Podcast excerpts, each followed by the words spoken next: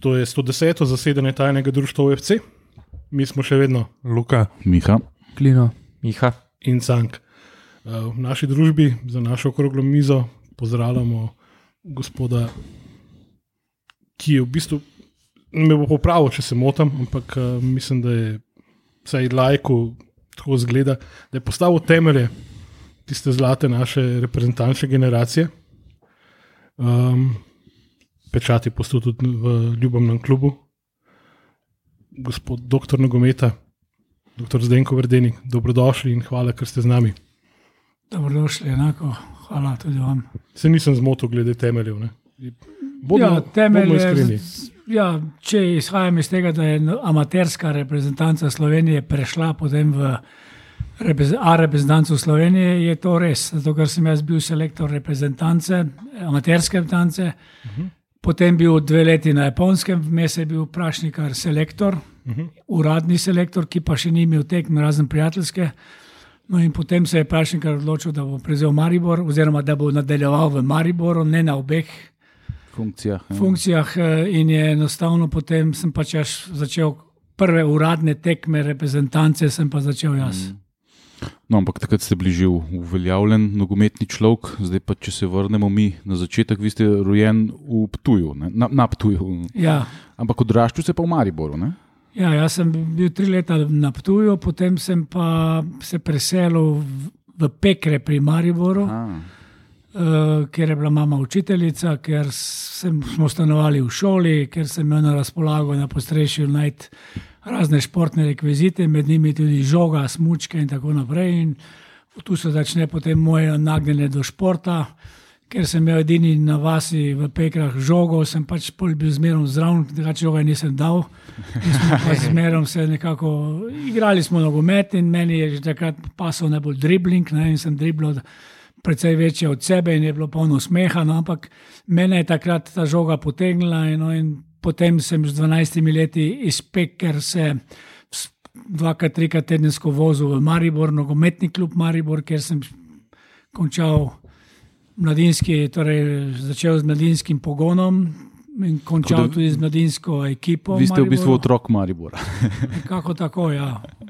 Tam sem imel. Pa te- to je bil že ta vijolični Maribor, to ni bil še Bil umprej. je Vijolični Maribor, to je bila, Ni bil takrat je bila tudi ja. prva liga, nekaj let. Za mene je bil šok na tribuni, da so se, ko je padel gol, kako so se to drli, kako so to noreli, nekaj strah postalo. Ne? Ampak eh, tam sem začel spoznavati, kaj je to sploh nogomet. No, in potem sem pač do, imel sem srečo, da sem kot uh, pri mladinski ekipi imel trenerja, ki je zelo strokovno pristopil.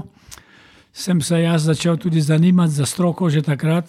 Kjer trener je pa to bil? To je bil Teo Vidic, Aha, to je pa znan tudi pred vojno. Mislim, dober nogometaš, bil je mm. igralec Maribora, tudi pa igralec železničarja, mm. strelec. Um, me, on me je tudi navdušil za to, da je treba pač na nogomet gledati drugače, tudi iz strokovnega vidika.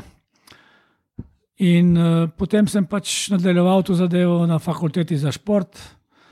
Uh, Aha, pa ste, ko ste končal mladinski staž, ste šel študirati v Ljubljano. Sem šel študirati v Ljubljano in sem najprej prišel nekako na neko preizkušnjo k Olimpiji, k Googleju. Google je imel takrat mladince, ampak jaz sem nekako bil že prestar za mladince, kljub vsemu sem pri njemu treniral.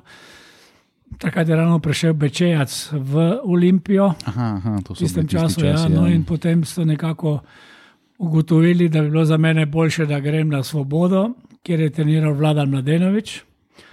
In uh, sem pol igral pri Svobodi štiri leta, več čas svojega študija.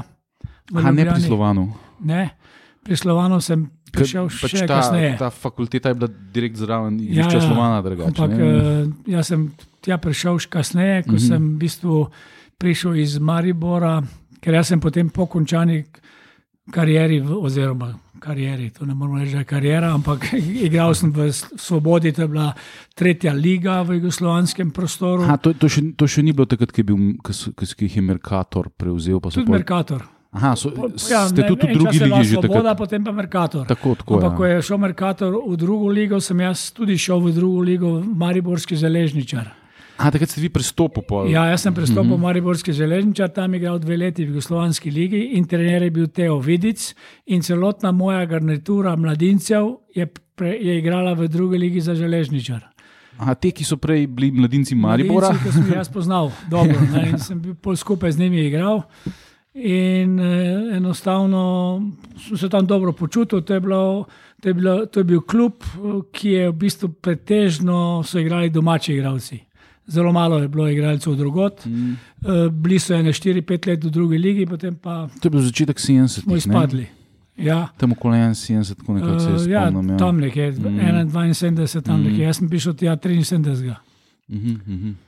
In uh, kako se pa te druge lige spomnite? To je bila druga liga Zahod, ne? se pravi, hrvaški, slovenski, pa bosanski klubi. ne? Mislim, da so bile takrat štiri druge lige. A to, bilo- a je dve? to je bil tisto obdobje? Ja, Ja, se tudi ne spomnim več. Ja, ja, ki so bili še sever, pa jug, Ja. pa tako gor dol. Ja. Ampak eh, spomnim se pa, da je bilo to za mene bil to prvi šok v nogometu, ker sem spoznal, da se tu poleg znanja, dela, stroke, trudiš, da se moraš truditi, so pomembni tudi sodniki. Ne? In da enostavno eh, me je vrglo dosti krat iz tira, na kak način so sodniki pristopali, kako so v bistvu navijali včasih. Kako sem potem prisluhnil raznim zgodbicam, vse verjetno ni bilo vse res, kaj se je govorilo, kaj se lahko vse zgodi, ampak da pač se tudi klubi med sabo dogovarjajo, da se igralci med sabo dogovarjajo, da, se, da je sodnik lahko na strani enega ali drugega.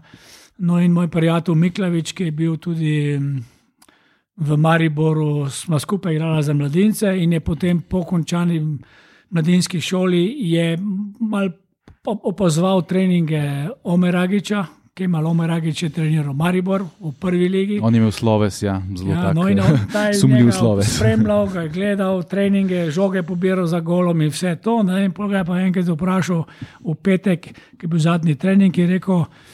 "E, Kiki, kaj, kaj pa kaj taktika? Ni- Nič nisem opazil, da bi se vi, kaj, kakšne taktične vaje, da se pripravljate na tekmo. Ne? Pa na nasprotnika je pa rekel, rekel, pa ni važna taktika, važno je, ko sudi. Mislim, to je, teh je bilo dosta takih zgodbic. Ne, in pol smo začeli vsi sumiti, da se pač moraš s tem začeti ukvarjati, da ne moreš biti uspešen. No, naslednjič sem naletel na to v Olimpiji, oziroma ne v Trbovlah, Mhm. ker smo tu ponovno smo se uvrstili v drugo ligo. In Ampak takrat ste bili pa že trener. ne? tam sem bil pa že trener in sem videl, da v bistvu je to prisotno, da je to del nogometa in da moraš imeti za to posebno us- usposobljene ljudi, ki sprejemajo sodnike, ki pač eh, se z njimi ukvarjajo, ki so z njimi dva, tri dni. Olimpija je to imela tako, da so sodnike sprejeli in jih v hoteli in potem peljali v Trst. Tam so pač nakupili, kaj, kaj so rabili, ne? in potem so šli nazaj. In potem je, je bila velika možnost, da boš tekmo dobil. Ne, še ena taka zgodba je bila, mi igramo ravno z rodar Velenjem v Trbovljah. Ne, in e, naši funkcionarji, ki so bili zadolženi za sodnike, ne, so poklicali domov tega sodnika, ki sem pozabil, kako se piše. In je dvignila žena, pa je rekla, "Ja, kdo ga, kdo ga pa kliče. Ne? Pa smo rekli, ja, mi smo iz e, rudar Trbovle. Ne? Ona je pa rekla, ja, pa on je več kot vas, par dana. Bil je pa v Velenju. to pomeni, da je, čeprav je pri nas sodo, so ga oni že imeli v rokah. Ja, so, ga, so vas prehteli. Mislim, tega je bilo dovolj, no, ampak Ja. No, ampak um, po, po, po tem, ko ste nehali, vi ste pa v železničarju, ste igrali nekaj časa, potem pa še v Slovanu, kjer ste pa Ja. zaključili z igranjem aktivnim, ne? zaradi uči ali kako že. Ne? ja, jaz sem imel čala, pa nisem mogel, pa tudi leče kontaktne, ampak mm -hmm. sem bil zelo občutljiv in nisem mogel prenašati teh leč, imel čisto rdeče oči. In enostavno sem se pol odločil pri 28 letih, da bom uh, prenehal in da bom samo treniral. In tudi ste že, tudi takoj na Slovanu začel z nekimi treningi. Ne? Ja, jaz sem bil igralec Slovana, potem je pa prišlo do menjave trenerja in ni naj, niso našli nobenega drugega za hitro. In so mene prosili, da bi bil igralec in trener. Mhm. In sem potem pač to vlekel ena pol leta, in uh, potem pa sem bil samo, samo trener eno leto. Mhm. Kako pa so vas sprejeli, glede na to, da ste bili mlajši od 30 let, kar recimo, če današnje čase malo uh, pretvorimo, kakšen nagelsman se najde, kaj pač zelo mlad, ampak ko imaš ti v garderobi tudi igralce, ki so starejši od tebe, verjetno ste jih imeli. Ja, je kar bilo enih par, no, enih par jih je bilo, ampak so bili tak face fante. No. Vse to, to je bil materski nogomet, nekaj malega smo dobili kot hranarino, pa kako premijo. Ne. To, tega se ni dalo daleč od tega, bi se dalo živeti. To so bili študenti, to so bili di, srednje šole, tudi mogoče kdo, ampak večina so bili zaposleni. Mm. Tako da nisem imel problema. No, pa, 1975 eh, ne, je pa prišla ena taka prelomnica, ko ste videli priložnost, da greste v Kelen na usposabljanje. Ne? Kako je pa do tega uh, prišlo? Ni bilo 75, ampak je bilo 77. Aha, aha. Tako sem pa dobil. Mm priložnost, ker sem bil že asistent na fakulteti za šport. Elznerjev asistent. Pri profesorju mm -hmm. Elznerju, ja. In uh, on sem pač kandidiral za štipendijo, ker je bilo možno neka izmenjava, podobno kot je to danes. Ampak to je bilo takrat na, na, asistent, na nivoju fakultet, asiste, torej za asistente. In sem dobil to štipendijo, da sem lahko, ampak bil sem samo gost opazovalec. To pomeni, mm. nisem smel delati nobenih izpitev, čeprav sem jaz to želel, ker bi si pač želel pridobiti njihovo izobrazbo ali pa licenco. Uh, no, ampak uh, sem opazoval, bil prisoten na vseh teh uh, predavanjih. A pa nemško ste znal? Nemško sem znal ne najboljše, ampak sem mm. že govoril, ker moja mama je bila med drugim tudi učiteljica nemščine. Aha, no, in v Mariboru je ta nemščina dokaj prisotna, še bila v tistem času, ker Maribor mm. je bil včasih celo bolj nemškutarsko mesto. No, in sem pol mojo nemščino, če sem kaj pridobil, zelo izpopolnil v Nemčiji, ker sem potem imel možnost, eh, da sem kot tujec kot tuji študent, pa tuji opazovalec, sem bil vsak dan lahko brezplačno na nekem torej, tečaju za Aha, nemškega jezika. Ja. In včasih sem bil, bil sem pa pridn, in včasih sem bila sama z učiteljico in smo se učili.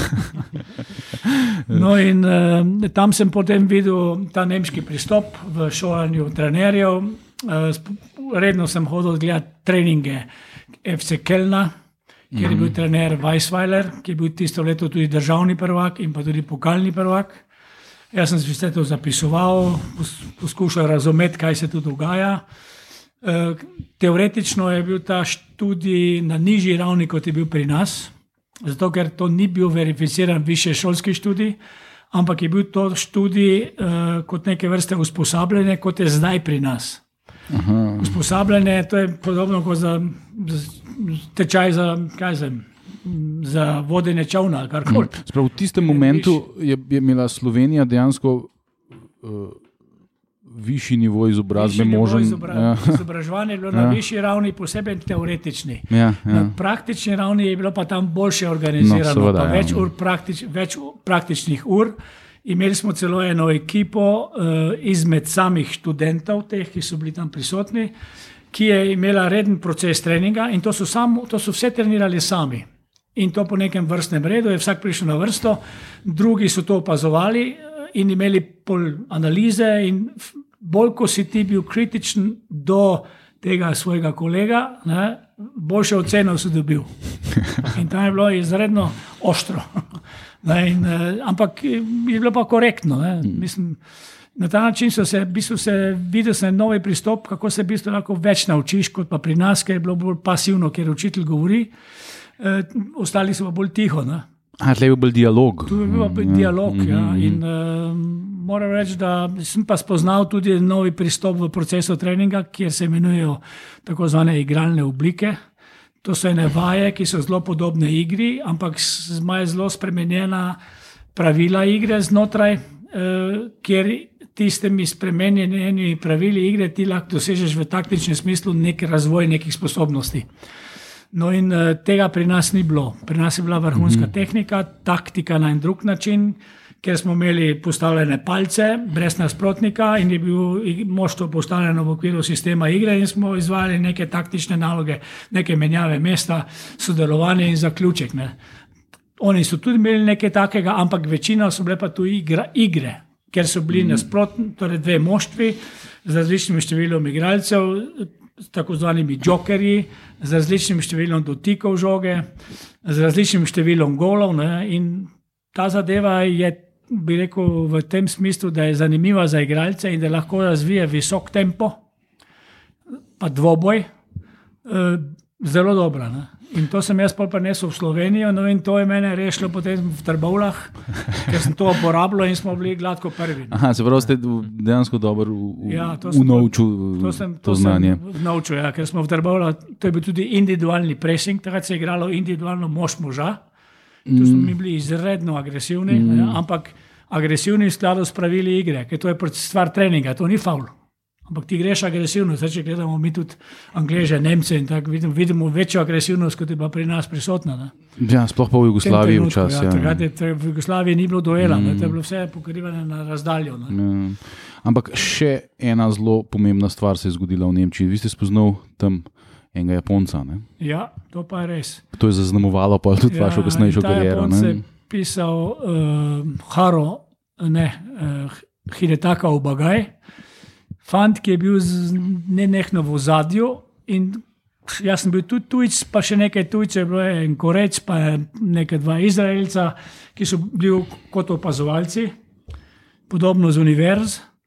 In sem jaz nekako se zelo spoprijateljil s tem Japoncem, ne, ker sem malo mu pomagal, tudi da se je malo znašel, ker je bil čisto nekaj v avtu. A pa on je nemški znov? On je, on je bil že nekaj let v Nemčiji Aha. in je z Nemško, kako tako obvladal. No, mi doskrat smo bila skupaj, malo sem se z njim tudi pogovarjal o jugoslovanskem nogometu. Jugoslovanski nogomet je bil takrat zelo cenjen, ker so bili tudi trenerji poznani, igravci zelo poznani, oblaka so tudi vsi poznali. In um, enostavno so me tu spraševali, kako, mi, kako se v Jugoslaviji trenira, da, da imamo tako dobre, tehnično dobre igralce. Ne?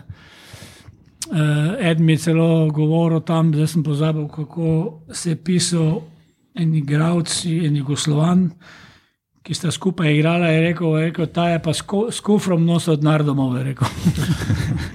Tukaj je bil dober, ampak dobro so ga plačali. ne.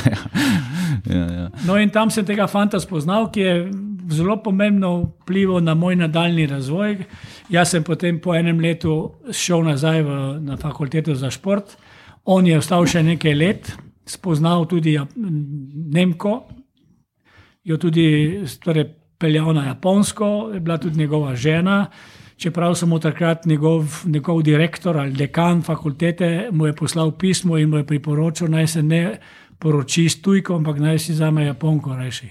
Mm, ja, ja, to so Takrat je bilo še to Japonci. na taki ravni vse skupaj. Mm, No in preko njega sem potem prišel na Japonsko in pol leta mm. bil v njegovem klubu.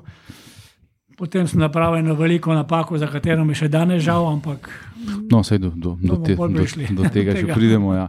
Pa ste se v bistvu, ko ste se vrnili v Slovenijo, ste pa pač prevzel rudar Trbovle in jih popeljal, bili z Ja. njimi prvak slovenske lige in potem Slovenske lige in drugo bili- savezno. Ne? potem smo šli pa drugo ligo. Ja. Tam smo pa pričakovano izpadli. Ne. Zdaj, takrat je bil gazda v rudarju, je bil tale inženir Petrič, če Ja, se ne motim. Ne? Bil alfa in omega vsega. Mm. Moram reči, vrhunski človek, vrhunski organizator. On je bil tudi generalni direktor eh, cementarne v Trbovlah. Vse je v bistvu potekalo mnogo preko cementarne, tam smo dobivali tudi finančno podporo, tam smo imeli njihove avtobuse, tam smo eh, dobivali celo prehrano od njih in tako naprej. Da smo na, mi smo na, torej tudi v drugi ligi na dokaj nižji ravni, s, s, finančni smo se pač bivali v tej drugi ligi, ampak smo kar štartali kar dobro, ampak pol smo pa seveda padli na realna tla, s tem, da se nismo ukvarjali tudi s temi stvarmi okoli sodnikov, oziroma ko smo se hoteli začeti ukvarjati, je bilo daleč prepozno. Sej, a, ste kakšen derbi z pa Zagorjem igrali? Za Gorjem smo tudi igrali. Ja. Za, ne, tam so derili s Hrastnikom, pa za Gorjem, tam je prišlo par tisoč ljudi. Ja. In tam je bilo tako, ne, tam ni toliko stvar premije, tam je velik motiv pomeni, če je igral za gledal svojega mojstra gor iz firme ali pa iz delavnice ali pa iz rudnika. To, to ni bilo hujše motivacije kot to. ja. Pa to so bili vse lokalni fanti v rudarju. vse no. več ali manj domači fanti. Prav ja. rudarji in tako naprej, po poklicu. Ali... Ja, to so bili enostavni fanti. To so imeli visoko izobraženih, mm. bilo zelo malo. V glavnem so bili to poklicna šola, vsi bili v službah, um, vse, vse torej prihajali na treninge. Ne. Um, zdaj, jaz sem bil za njih neka določena avtoriteta, bil sem pa pošten. Bilo je tu medsebojno spoštovanje. In tu sem videl, če si jih spodbudil, če so oni videli, da se ti trudiš, da ti strokovno delaš, da to prenaša rezultat. Ni bilo nobenega pro problema. Jaz v slovenski ligi nisem imel nobenega izključenega, kar je za trbole ne mogoče. Ja, tam, tam je bilo zmerom. vedno Tam si težko, če si izgubil tekmo, si težko šel iz, iz, tribu, mislim, iz slačilnice. ven. To je še danes. Ja. V tistem času ni, nisem imel nobenih, um, čeprav enkrat v drugi ligi, ravno proti Omeragiču smo igrali tisto tekmo, eno razgubili in sodnik je imel velik vpliv. In enostavno je, zaprta, je bil zaprt stadion in noben ni mogel noter, noben ven, potek. In potem se spomnim eno žensko, ki sem bil tam ob strani, pa vidim. Pa je rekla, če pa ne boste vi, ga bom pa jaz, pa zmarelo po glavi, mislim, po hrbtu sodnika. Se pravi, pol, ko je rudar izpadel iz druge lige, eh, ste pa vi šel nazaj na fakulteto, ali kako je bilo to? Ja, jaz sem bil že prej, tudi jaz sem bil več čas na A, ves- fakulteti. to je bilo Jaz v sem se bistvu- v bistvu vozil Trbovlje. Ja, aha, aha. Vsak dan. Ja, ja, ja, a ja, To tako bil- v bistvu prav. bil to napor, Ja, ja, ja, velik ja, napor. ja, ja. In še to je bilo tudi. Jaz sem izredno resno to vzel v Trbovlah, ne glede na to, da so včasih igralci manjkali, da so bili pogoji za trening slabi, da če je malo deževalo, je bilo polno blata. Jaz sem se pripravil za trening, za vse variante, če jih bo več, če jih bo manj. Če je bilo blato, smo tudi v tistem blatu igrali in to nam je dosti pomagalo, ker smo bili pripravljeni za na na pravi tekmi, tudi če je bilo blato. Enostavno je bilo to resno, resno delo, ki je bilo izven možnosti njihove organizacije, pa financ. Ampak smo, ravno zaradi tega smo bili prvi. In, ker eno leto pred mano je tisti trener je bil en eh, Milovanov, zelo znan jugoslovanski no- eh, torej reprezentant celo iz Vojvodine. Je bil pred mano in oni so bili osmi. Ne? In je spet so dosti govorili o njemu, kako, kako je on, mislim, pol, pol humorno, pol za res, celo svarto vodo. Ne? In enkrat je bil en igralec izključen in pride k njemu tam na klop ne? in ga ta vpraša, "Ja, "Kaj- pa je bilo. On je pa rekel, ja, izključen sem bil. Pa rekel, pa Uđi nazad, pravi se lud. to su ti štosi. Sprav, to je bilo v začetku 80-ih, približno ste vi šel iz rudarja. Ja, ne? ja, jaz sem šel po zdare, za mano je prišel Beara ne, in mi nismo ja, imeli Vladimir nobenih Beara. možnosti, da ostanemo v ligi. Ne, Ja, že med pa- sezono ste šel. Ja, ja, ob koncu prvenstva. Mislim, bilo je mogoče še dva meseca. Ampak, če se šteješ še tekme, pa koliko imamo za ostanka pik, tudi če vse zmagamo, ne moreš biti ostati v ligi, on je pa rekel, ostačemo v ligi. Eh, niti, niti, niti zračunal ni. Aha. Pa, pa, um, kaj pa v tem umestnem obdobju, ko pol niste bili nič, pa ste bili še nekaj malega, ste bili še pri Slovanu, ne? ampak ste bili v glavnem na fakulteti, ali kako Ja, pol ta začetek lani na 80-ih. fakulteti, pa sem pa eno obdobje bil, tudi dve leti sem bil v zamejskem klubu uh, Bor v Trstu. Aha. In tik preden sem šel na Japonsko, sem bil tam, so še se zabavali dol v Trstu. Ne so rekli, ja, če pa hočeš iti tudi na Japonsko prvo ligo, moraš pa iti najprej v Bor. Ne. To bi pa, to bi pa deseta liga v Italiji. Otroke sem imel, ne. jaz sem imel tam ene otroke. Mene je zanimalo, znano, kaj se tu dogaja, sploh v tem nogometu. Ne, in kako to funkcionira, ta italijanski nogomet, pa tudi ta na nižji ravni ta nogomet, ne, eh, pri, pri mlajših kategorijah. Ne, in sem videl, kako oni v bistvu eh, to resno jemljajo, celo zadevo, ne, tudi slovenski klubi, ampak tudi italijani, ko smo mi z italijanskimi klubi igrali. Ne, ampak sem direktno videl, kako ti vidiš tam 12 let stare igralce, ki so neka kopija članskega igralca, ne, kar, v bistvu, kar v bistvu ni prav. Ti ne smeš, mm. ti ne smeš že od mlajših zahtevati, da se to- točno tako obnašajo kot starejši, ker ti moraš nuditi razvoj. Ne, ti moraš iti najprej v večjo širino eh, nekih razvoja, nekih sposobnosti, pa tehnike, taktike, pa moči, pa kondicijske priprave, ne, ne pa že stroga specializacija. Ne.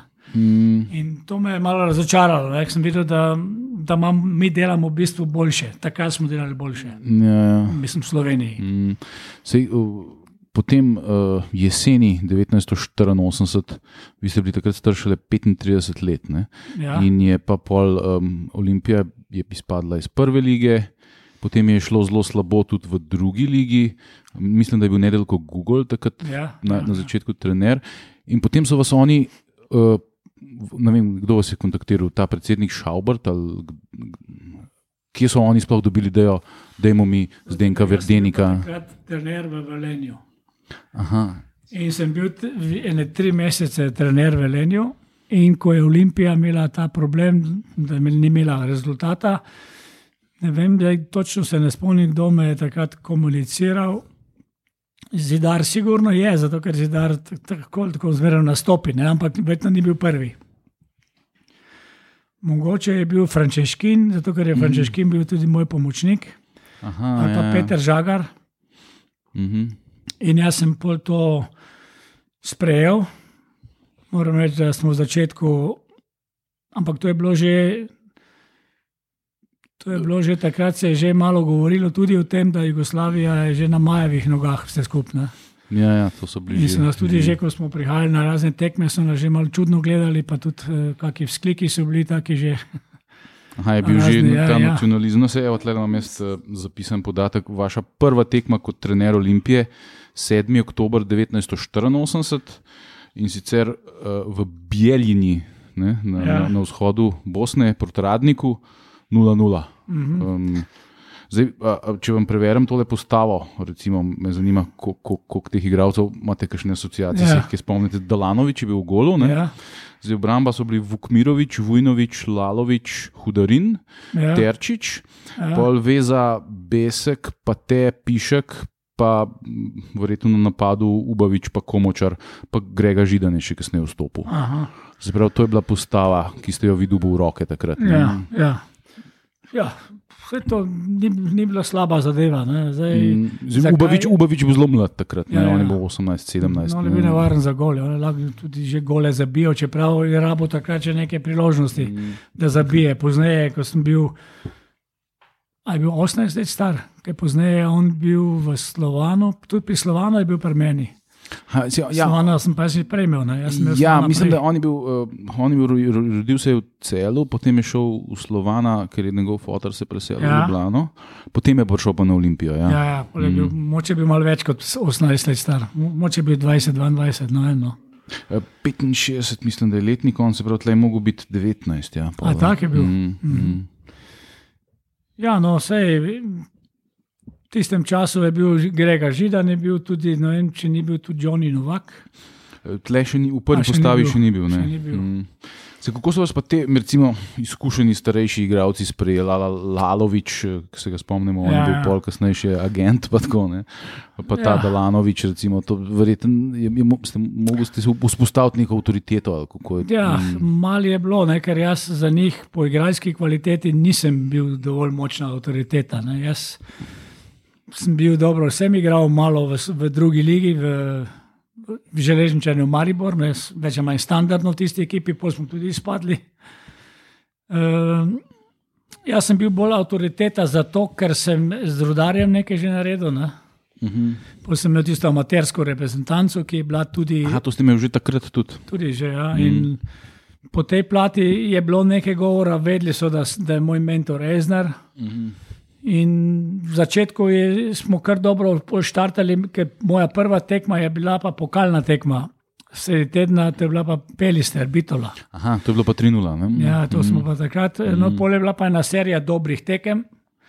Smo ne, ne celo kar z visokimi rezultati. Ja, se to imam tle, nekje dvakrat je bilo 5-0 v zelo kratkem času. Ja. Ja, ja, Rudar, ampak- Prijedor, pa Vrbas. eh, V, v enem tednu ste dve tekme doma 5-0 ja, zmagali. Pole ne? pa, pole pa to začelo padati. Ker eh, zadeva je tu taka, ne? ko ti menjaš trenerja, ne? navadno se dvignejo motivi. Ne? Mm, Ampak eh, za japonski nogomet to ne velja, ne padejo motivi, ker se vsi prestrašijo, kaj bo zdaj. Ampak v glavnem je, je prišel do paca in pol pa ne vem. No, pa se takrat je bila situacija v Olimpiji katastrofalna. ne. Denarja ni bilo, uh, baje, celo še celo za A ja, je prašek. Ne. Takrat je bil trener, eh, jaz sem predsednik, je bil ta Ta je bil Stjepan Šaubert. Šaubert. Ja. Ja. Sej, kako, z njim ste imeli kaj, veste, jaz o njemu Ja, on je bil zelo odprt človek, širok. Mm, mm. Mislim, ni na mene nič kaj posebej pritiskal. On je hotel seveda dobro klubu, on je želel vedeti, kaj se dogaja, mm. da ni rezultata.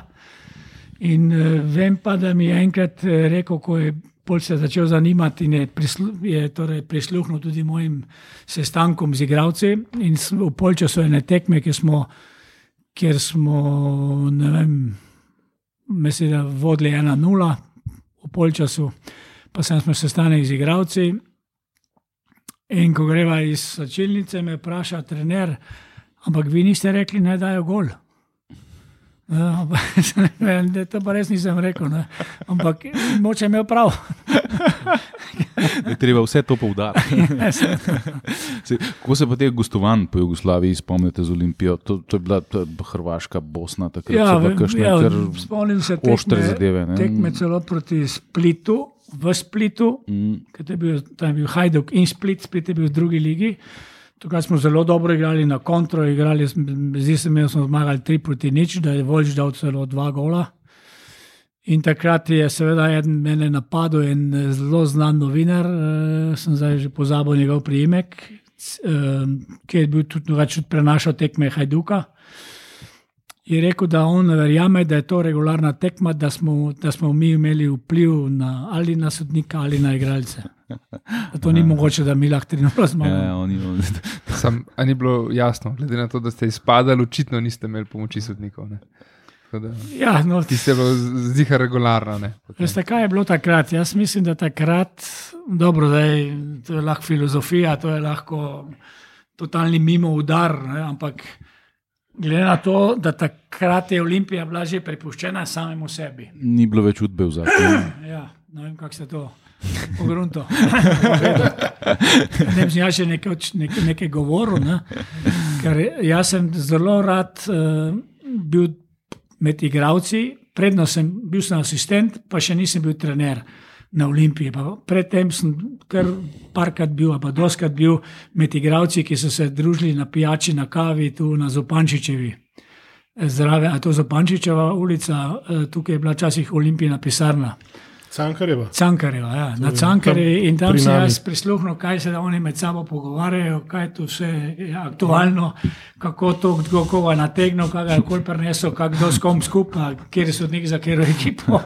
To sem vse tam eh, zvedel, ampak kaj je bilo torej res, pa seveda nisem vedel. Ne? Ampak eh, kljub vsemu imam občutek, da je Olimpija bila takrat prepuščena samemu sebi in da smo mi bili, uh, torej, sodniki nas niso več ščitili, mm. Nikdo, nihče se z njimi ni ukvarjal, vse ne da bi jaz vedel, pa Peter Žagar se tudi ni.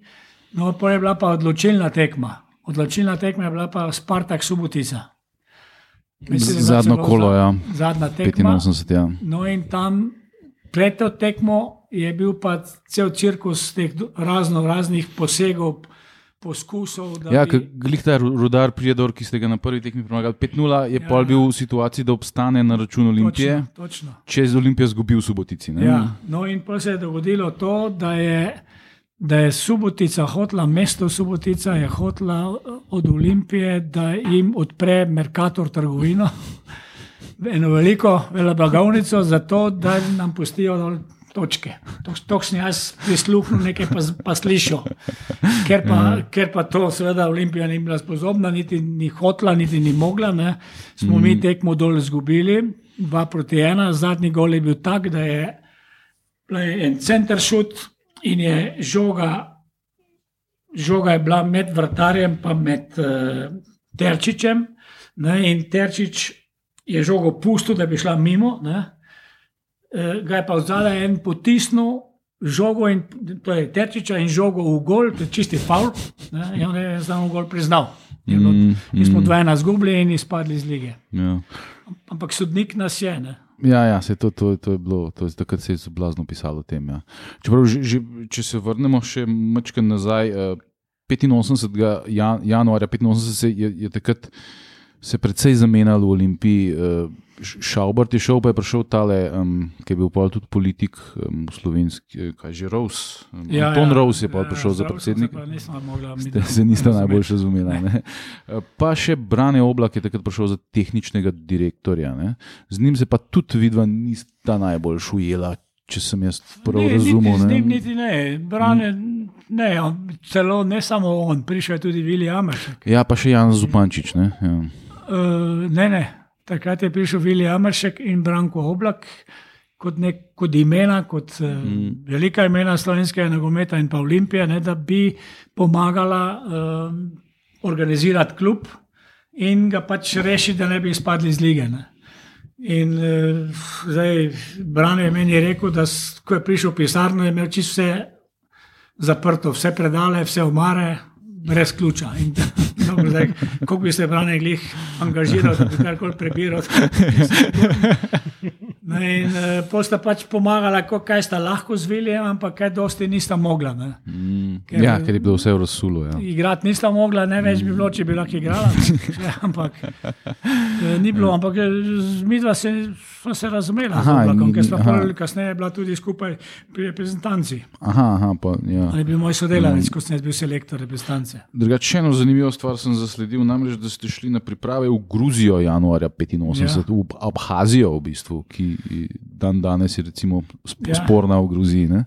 Pa ste tam igrali z recimo tem slavnim Dinamo Tbilisi, pa ja. s Torpedo Kutaisi, ta drug klub, pa še z neko rude hvezda iz ja, ja, Češke. Ja, ja. Ja, ja. Tudi, tudi, takrat je bila Olimpija v bistvu v zelo dobrih odnosih z tem Dinamom Tbilisijem. Ne? To so bili dobri, no, tradicionalno dobri mm. in so se izmenjavali. Enkrat na leto so hodili, on, prišli oni k nam, enkrat mi, Mi v enem mm. letu dvakrat smo se srečali, oni, po, oni so prišli poleti, mi pa po zimi, zato ker so imeli tam nogometni center ob morju in v Sočiju. Ne, in, smo, tam, in smo imeli kar dobre priprave in tudi tekme, ne, ampak mm. zmerno smo se malo bali, ne, ker oni so bili res dobra ekipa. In je bila velika nevarnost, da bi hitro dobiš pet komadov. Pol smo jih celo malo prosti, naj ni, ni treba klih preveč. Ali pa smo celo se zmenili, da ko so prišli sem v Slovenijo ne, to, in so šli, šli v Trs, seveda, po kabojke in vse druge stvari. In smo jih tu založili, tako da so bili manj, manj močni ali manj radodarni, bolj na tekmi sami. no, ampak še eno stvar zelo zanimivo sem jaz zasledil um, na, na teh pripravah, da, da ste vi takrat že conski pressing trenirali. Ja, to smo, zato ker je bil to en modern način, modern pristop ki ga je že, treni, ki ga je že forsiral takrat Sakej v Milano. In uh, Milano je imel takrat vrhunska ekipa, ki je imel največje rezultate in navadno je to vzgled uh, za ostala moštva in za ostale trenerje, da poskušajo neke stvari prevzeti. In uh, jaz sem to takrat, uh, ja, kar sem že prej rekel, da v Trbovlah smo igrali mož moža obrambo, individualni pressing, ker je vsak lovil svojega. Tu pa v, bistvu v nekem prostoru pokriješ tistega igralca, ki pride, ki ni zmeraj mm. isti. In tu je treba več misliti, je pa bolj racionalen. Ni treba teči za svoj in če ga lahko drugi prevzame, zakaj bi mm. šel iz leve strani čisto zgore na desno, pa trošil moč, pa celo iz, izpraznil ta prostor. Če lahko nekdo, nekdo mojega igralca, tega, ki bi ga jaz ne držal, prevzame nekdo drug. In v bistvu je to. Ne? In dan še zmeraj je ta conski način branjenja pretežen. Ja, sam pred sodnikom to ni več pomagalo. Mislim, da sem nekaj reči. Eh, bili si pobraten z Ljubljano. Ne? Ja. To je, mislim, v 70-ih letih že naprej. Pol, je bil to temelj nekako tega, da ste. Ja, mislim, da je bil to. Mislim, da je bil to ja. um, to, to bi lahko več izkoriščali, ker je z velik mesti pobrateno mesto. Komu, ja, ja. komu je treba to namigati, verjetno. Ja, ja. Uh, še ena stvar me zanima. Darko Domodenik je takrat tudi nekaj malega še igral za Olimpijo.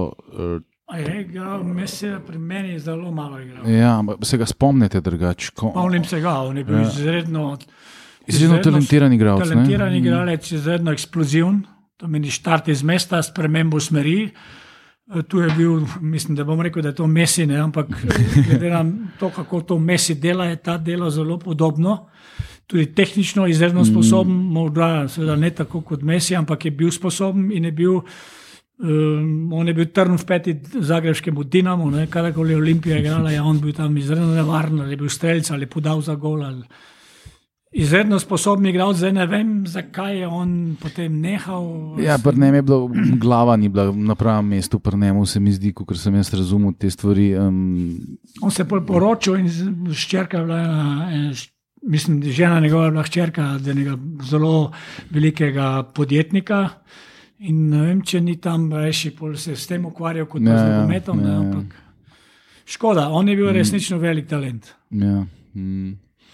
No, ampak po je Olimpija izpadla iz lige, Ja. vi ste pa vstal trener. Ja. Uh, Kljub temu za sezono 85, Ja. 86, razsulo je bilo še vedno totalno? Eh, denarja ni bilo nobenega, uh, je bilo pa treba vseeno igrati slovensko ligo, ki Ja. kljub vsemu, mislim, ni bila pa spet tako simpel liga, da se bo Olimpija sprehajala, sploh ker so vsi šli, kot sem jaz štel, je 15 ja. igralcev šlo, od starejših ja. sta ostala samo Tercič pa Vujnovič. Mhm. Zdaj imam pa sklada recimo spisek teh igralcev, ki ste jih vi pol uh, dejansko zbral za, za neko okostje ekipe. Ja. Imam zraven tudi, koliko so bili stari. Ne? Mirsad Granov je bil 20, Peter Židan je bil 20, Grega Židan je bil 20, mm -hmm. Milan Pišek je bil 22, Marko Gruškovnjak je bil 20, Primož Gliha je bil 18, Ja. uh, Jani Pate je bil 20. Pa Zoran Ubovič je bil 19. Ne? Tudi Ja. s, s tako ekipo, plus ene par starejših, ste vi igrali to slovensko ligo. Pol, ne? Ja, začetku, Z mulci totalnimi, Ja, ne? to, to je res. Mi smo takrat ustvarjali temelje za, neko, za eno novo moštvo, ki bi lahko tudi malo bolj moderno igralo, z malo več tempa, dinamike. To so bili več ali manj nekateri igralci od Bečejceve šole, ki jih je izredno dobro usposobil v tehničnem smislu. In uh, moram reči, da sicer štartali nismo najboljši, ampak smo ob koncu prvega dela le bili tretji, kot se jaz spomnim. ne. Mm, tako je bilo. Ja. Ja, in uh, potem smo bili pa, ne vem, da sem jaz dočakal konec ali nisem. Ste, ja, da, da, z- na koncu ste bili tretji, potem, je, potem ste šli pa na, na morje, na Dugi otok. Ja, ja, hočem reči. Ne, ne, ne vem, če sem pol. A ja, potem sem se pa vrnil nazaj iz Ja. Dolgega otoka.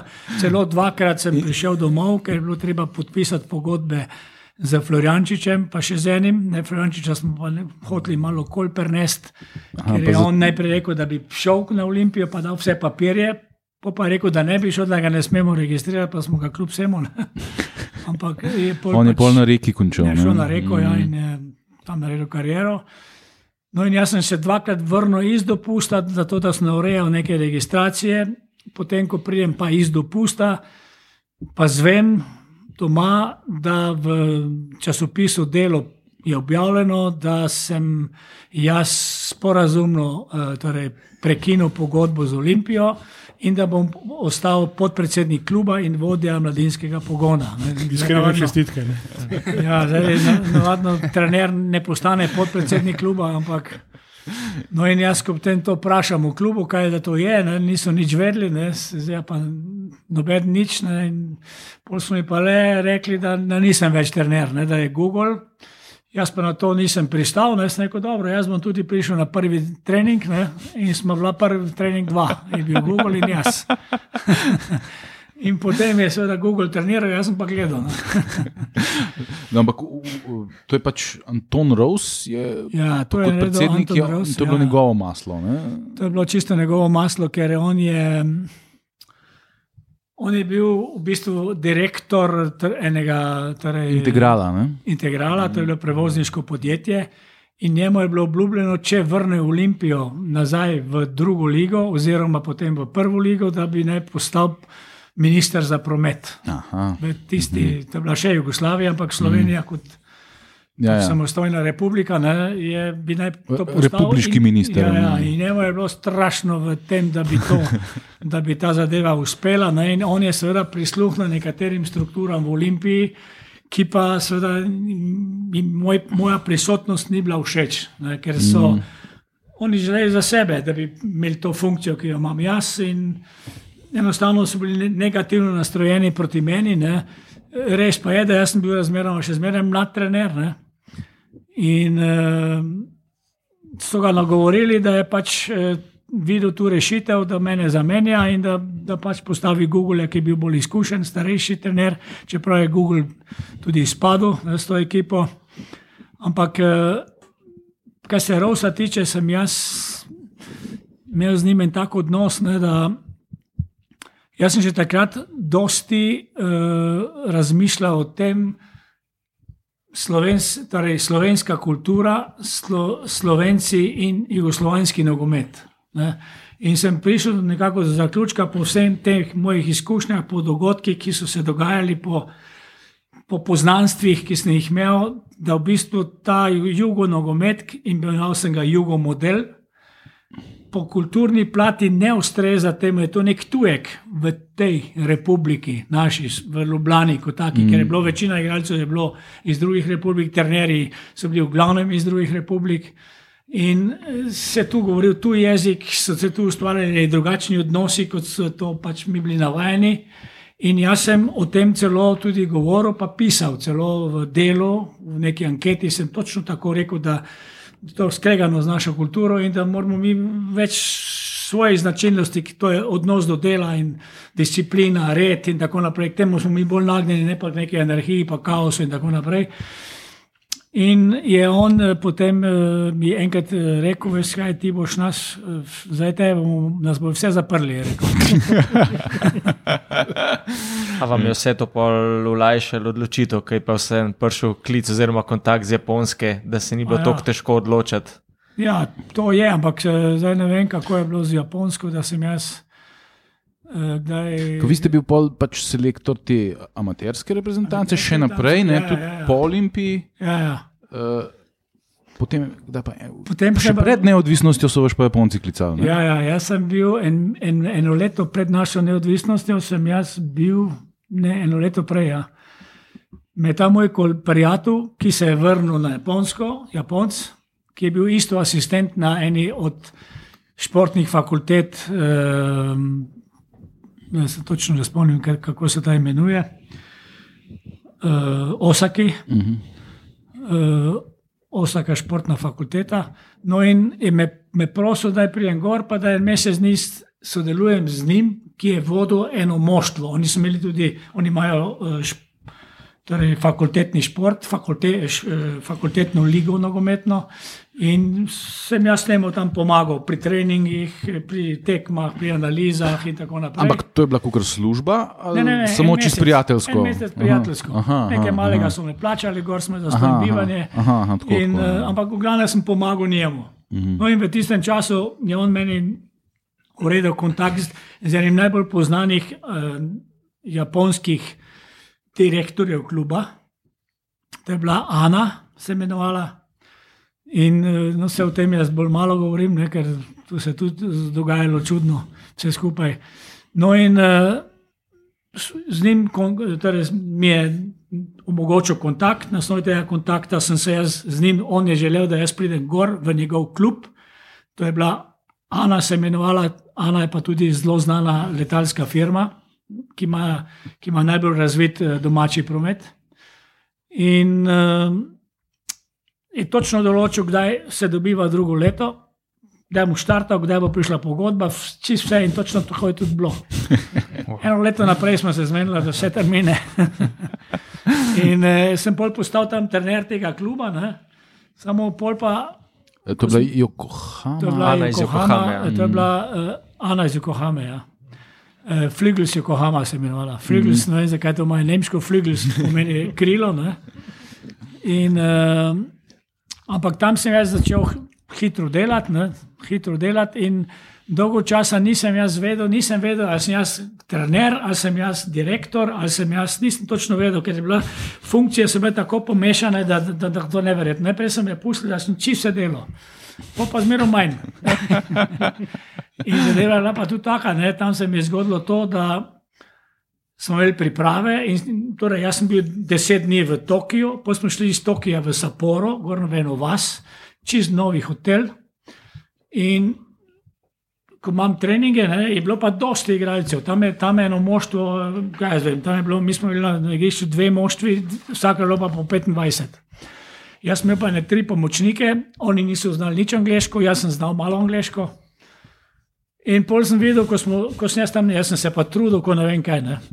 Mučil, pa razlagal, pa ni, ni bilo tempa, jaz sem pa zmerno hotel imeti tempo. Če, če ti imaš dobro organizirano, pol to teče hitro, pa iz ene vaje na drugo, pa žoga naj teče, pa igralci se ne gibljajo. Ne. In Po pa se mučim, po pa vidim na zadnje, oni se začnejo slačiti, ker jih je malo vroče, ne, če pravi, gor pihalo, gor je bilo pa 20 stopinj, nočim v Tokiu pa 35 ali pa 22 stopinj je bilo gor. In oni začnejo metati trenerke po tleh in kar po tistih trenerkah igrajo. In meni sploh ni bilo jasno, kaj, kaj zdaj, kam, kam sem zdaj tu prišel, da kar po trenerkah igrajo. In pol se mi je zgodilo to, da sem dobil pljučnico da je organizem je odpovedal, jaz drugi dan hotel vstati, nisem mogel, sem kar obležal in sem me pelal v bolnico. Bolnica je bila čisto nova, moče je bila enih 14 dni, šele v obrtovanju tujca še niso tam videli. in so pol, ko sem tam ležal, uh, sem videl, kako so prihajale te sestre, mlajše pa so odpirale vrata, pa kukale, kak, kaj je to za en tujc. no in, ampak kaj je bilo najhujše tu, je bilo pa to, da jaz prižgem televizor, jaz sem pa res postal tako, da sem dvigal vse tja, to je bilo vse moderno, zrihtano. Ne? In prižgem televizor, gledam, gledam, pa vidim naenkrat piše na smerokaz Brežice. Rekel, "Ja, kaj pa zdaj to, pa, pa vidim avione. Pa, pa vidim, kako helikopter dol neki padel, kaj je bilo, neki, pa neki, neke, neke zapore cestne. A, Jugos, Je bila pa vojna. Aha. To me je pa vdarilo, da je bil šok, vedel, kaj je z mojimi, z mojo družino, fuck, kje ja. so in vse skupaj. In polkito kličem tega mojega prijatelja, tega Hideja, nekaj iz univerze, ki je bil še tam, pa je on ženo poklical, ker takrat ni bilo teh telefonov, ne, kot imamo danes. In je, je pol, se začel cirkus, ne, mene je bilo zelo strah, ne, in, ampak se za srečno se je dobro končalo. No. Ja, jaz, to je bilo pol poletje 91. Ne? Ja. Mm. No in tu sta potem igrala zraven eh, Jermaniš in pa Gliha, Ampak onda sta prišla šele po, po po, pol leta. po samostojnosti. Uh, Uh, ja, glih samostojnost, je, vidite, to imam še jaz. Ne, to, po samostojnosti, Ja. ja. točno, ker nista na sliki. Jaz sem jih onga gledal slike, ker ko smo, ko smo mi postali samostojna država, smo imeli mi trening in po treningu sem jaz odprl šampanjc ali dve, tri Aha. flaše in smo lepo nazdravili ne, za, za državo Slovenijo. Ne. Teh dveh pa še ni bilo zdravo. Čeprav njim se ni sanjalo, kaj to je. ker ni tako mala država, ne, to ni bilo jasno. Ja, to je en mečken otoček za njih. Ja. Ampak kako, kako, pa, kako je pa prišlo do tega, da sta Gliha pa Jermaniša, to ste jih vi osebno poklicu ali kako je prišlo do Ehm, tega? Ja, nisem dobro poznal, ne? oba dva sta bila člana reprezentance tudi, Aha, amaterske. amaterske ja, ja. reprezentance. In ja, pa jaz sem bil na Olimpiji tudi, Jermaniš je bil na Olimpiji, Mm, tudi tisti, tisti garnituri, ne? takrat gliha tudi. In si jih dobro poznal in uh, sta prišla, enostavno smo imeli priprave tu na Koroškem. Um, no, ne vem, kako se zdaj kaj imenuje. In sta prišla enostavno na te priprave. Ta generalni direktor jih je videl tudi. Igrali smo tekme prijateljske in sta tako igrala proti Šturmu, potem proti FC Cirihu. Pa še eno tekmo smo igrali, tri tekme in sta oba dobro igrala, in so takoj podpisali pogodbe in so, in so šli. mm. Pa to je bil takrat precej boljši denar, kot pri nas, recimo.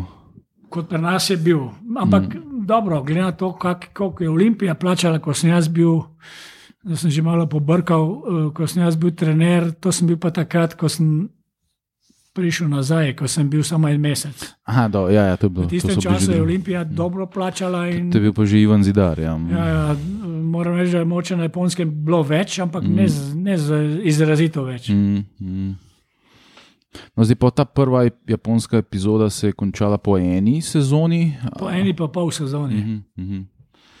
Ja, tu smo pol se nekako ocenili, da mene je Ezner poklical, pa je rekel, če sem jaz zadovoljen ali nisem. Ne, jaz sem rekel, da nisem preveč zadovoljen, ker tudi se sem vam to hotel reči, ne, da pol se je začel ta meni vtikati v posel, ta generalni direktor, ne, in je on začel to voditi, ne, jaz sploh nisem vedel, zdaj, ali sem jaz glavni ali nisem glavni, ali je on glavni. Ne, in bil sem, imel sem funkcijo glavnega trenerja.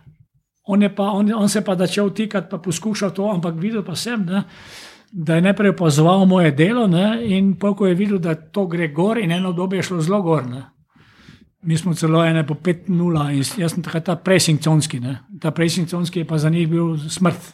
Ker oni so imeli pa vse pokrivane na 5 metrov, pa mehek nogomet, mm. brazilski nogomet. Ne. Če si pa ti agresivno štartil, ti si jim žogo vzel, si šel. Ne.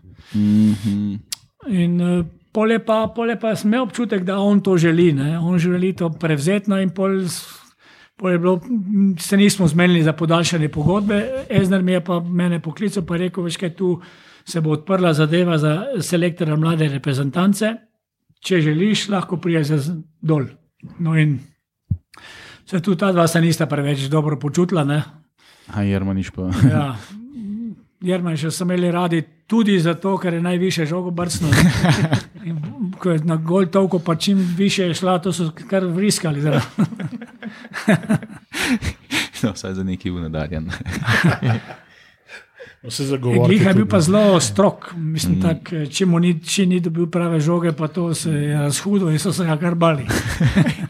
to niso bili navajeni, verjetno. Ja. Ne, to pa ne. A so vas drugače pred samim prehodom na Japonsko, prej ste začeli delati, ki je upozoril mogoče na kakšne te razlike? Uh, sem malo vaše intervjuje bral, sama komunikacija z igravci, kako japonski nogometaši dojemajo trenere, so kar velike razlike. Ne? So vas na to, ki je upozoril, prej ste začeli delati tam ali ste mogli sami ne, ugotoviti? Tako je nekaj. To, no, to noben, če bi me kdo lahko, bi me lahko ta kolega, ki, je, ki me je pripeljal gor, ne, moj Hide v Bogaj, ne, ki je bil asistent na fakulteti. Me tudi ni, jaz sem moral v bistvu sam spoznavati, kam sem prišel, s kom imamo pravka, kako oni razumevajo zadeve. Ne.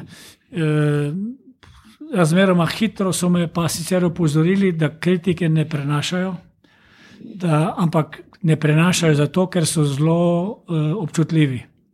In če si kritičen, potem oni to vzamejo tako resno, da mu zbiješ vse motive, vso resnost dela. On, je, on ne bo nič rekel, on je prisoten tam, ampak bo delal na pol.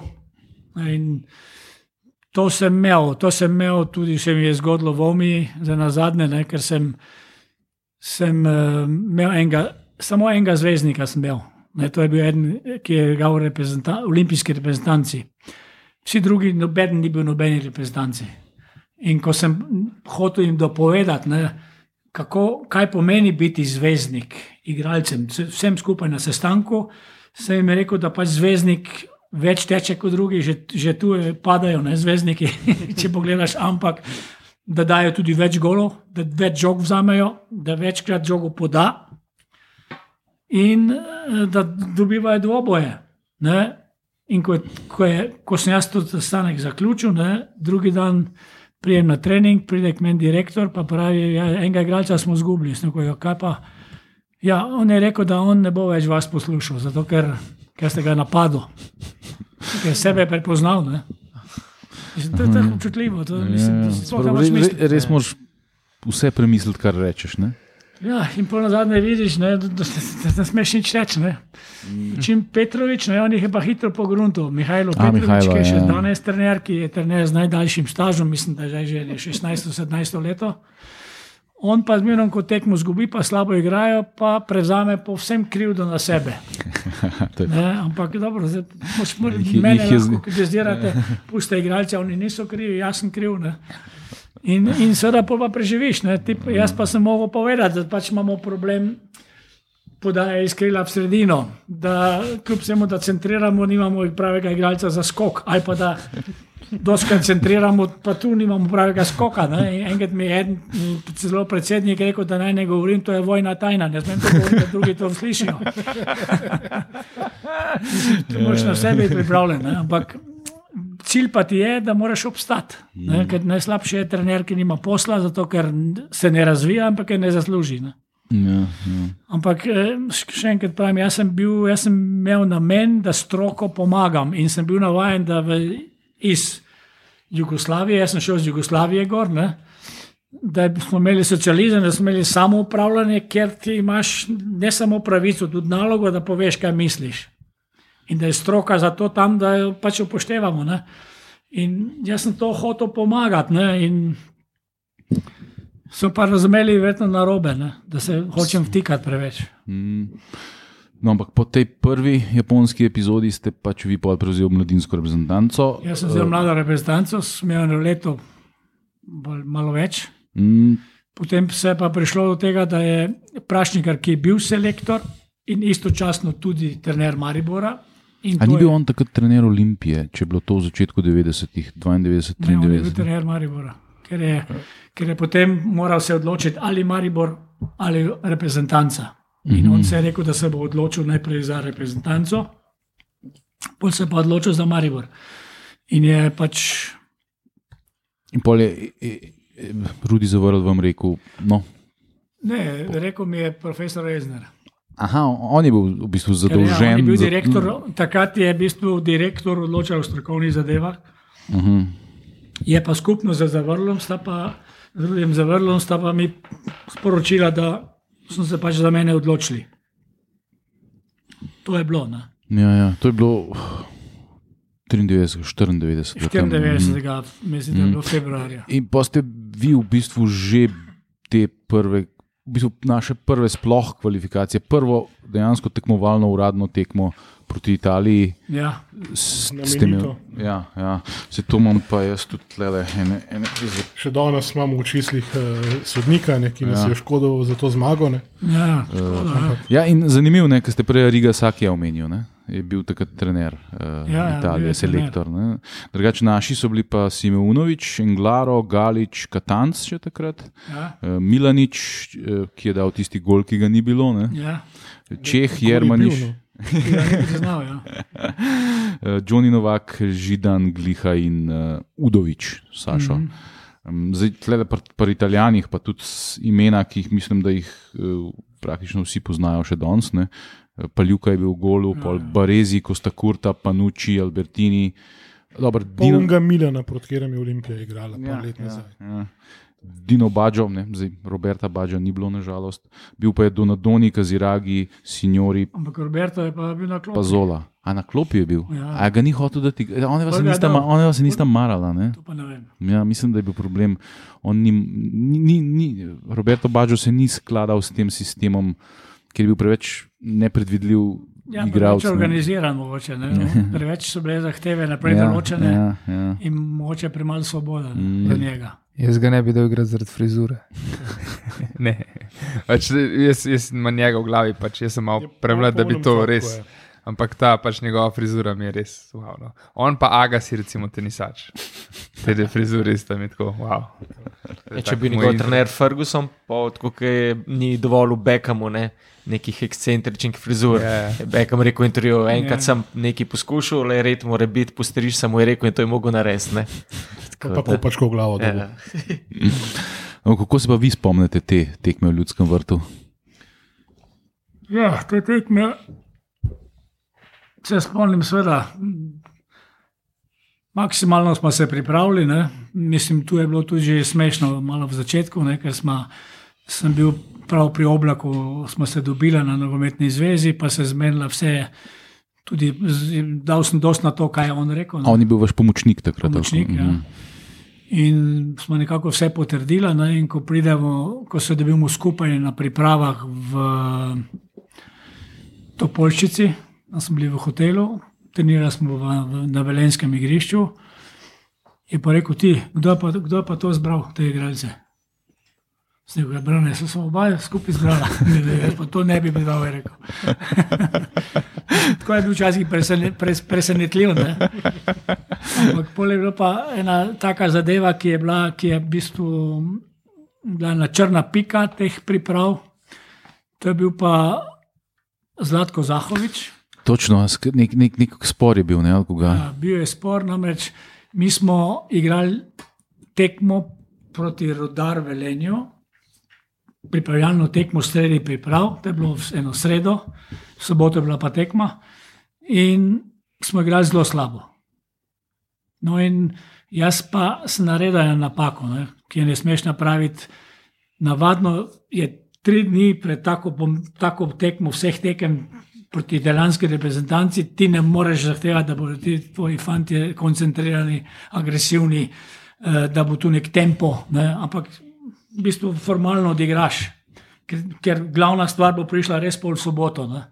In tudi so angažiranje, motivacija. in tako Aha, vi ste pa zahtevali, da so.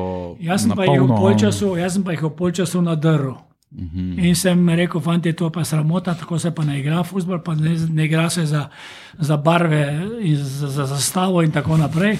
In sem jih potovkal. ne. In eh, tudi uh, Zahovič je bil v polčasu, mislim, zraven in je igral prvi polčas, potem pa jaz malo menil. Ne. In videl sem, da Zahoviču nikako ni pasalo to, da sem jaz tako jih malo nadrl. Ne.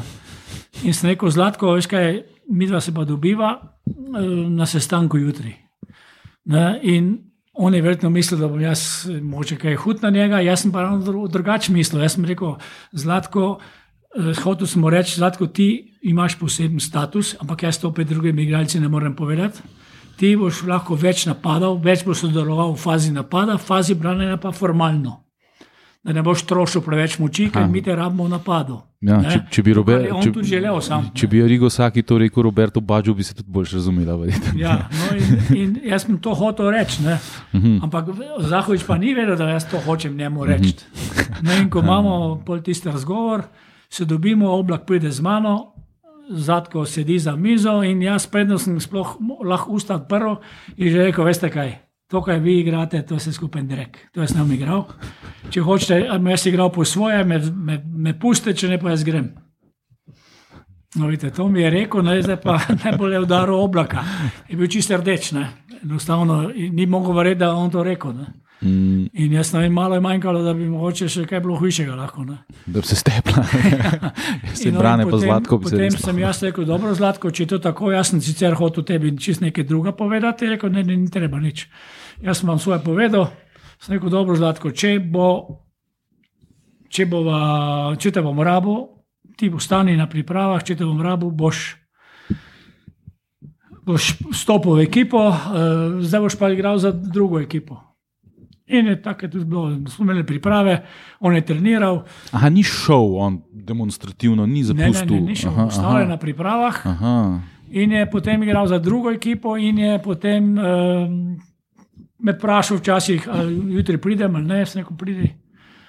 In pol na dan tekme, do povdne smo imeli sestanek, smo imeli sestanek v Orlu, hotel Orl. Ker to smo že bili spali, smo potem v Orlu, en dan pretekmo. In sem napisal postavo 16 ljudi, torej 11 plus 5, in njega kot 17. Ne, ker je on videl, da je 17, je vstal in šel. In to, je- to je bila vsa zadeva. Ne. In smo to tekmo dobro rešili, ampak jasno je bilo, in že Ezner, profesor Ezner je rekel, da na tem ne more ostati, Zahovič mora se vrniti, Mahovič mora priti. In smo pol to tako rešili, da smo naslednjo, naslednjič smo šla z profesorjem Eznerjem na nek seminar v Porto, on je pa ravno takrat prestopil v Porto. In sva že predtem pripravila razgovor z njim, in smo mu razložili, da ga rabimo, da je on nam potreben, da je kvalitetni igralec, da je pač to tako izpadlo, da je bila slaba komunikacija. In tudi jaz sem priznal svojo krivdo, da, da moče sem bil prehud v polčasu, on je pa to prevzel preveč občutljivo. In smo se bolj dogovorili, da je se vrnil nazaj. Ene, pol je pa že igral proti Litvi, kjer smo pa potem doma zgubili, 2 proti 1. A, točno, ti si, uh, ti si se pa spomnil. Čim gor smo pa igrali proti Ukrajini, pa smo igrali nič proti nič, Ko je, imeli U- 11 ko metrov. je Udovič penal zgrešil. Ja, ja. In tisti penal je bil tak, da je pravilo, da če, če na kom je 11 metrov, tisti ne sme izvajati. Ne? To je. Nepisano pravilo. Ne? Ja, in in izvajalec izvajal bi naj Floriančič. In je ta vzel žogo in je on izvajal. A ja, prav tako. In jaz sem takrat imel občutek, to se mi redko zgodi, ampak se mi zgodi, intuicija prepreči mu ne bo dal gola. Kot da mi je nekdo nekaj sporočil. In mene pa oblak ni vedel, kaj se mi dogaja, ne pa me je zagrabil, pa vleko nazaj. Jaz sem pa hotel iti noter, pa nekaj mu reči, pusti žogo, ne Floriančič izvaja, ker sem imel občutek, da ne bo dal gola. In je in ga bilo res. Ja. Takrat bi mi tisto tekmo zmagali, štiri pike, to je bil super štart. Ja, ja. Pol je pa bilo to tako vse skupno, ampak dobro. Na koncu je bila četrta Slovenija, če se jaz prav tako iz Ja. glave spomnim. Ne? Italija je bila prva, ker Italija je bila takrat v bistvu viceprvak, ne? to smo mogoče malo pozabili omeniti. Ja, bila viceprvak eh, Sveta, ne, ne, V Ameriki. Sravni penal Roberta. Bađa, ki je šel mm, Ja, ja. visoko preko. Ne. To je bil dober rezultat mm. in mi vsi zadovoljni. Tudi vsak je prišel k meni in mi čestital, je rekel: Dobro igrate, dobro ste organizirani, ste nas presenetili. Uh, nimam kaj reči, smo lahko zadovoljni, da je tako izpadlo, kot je.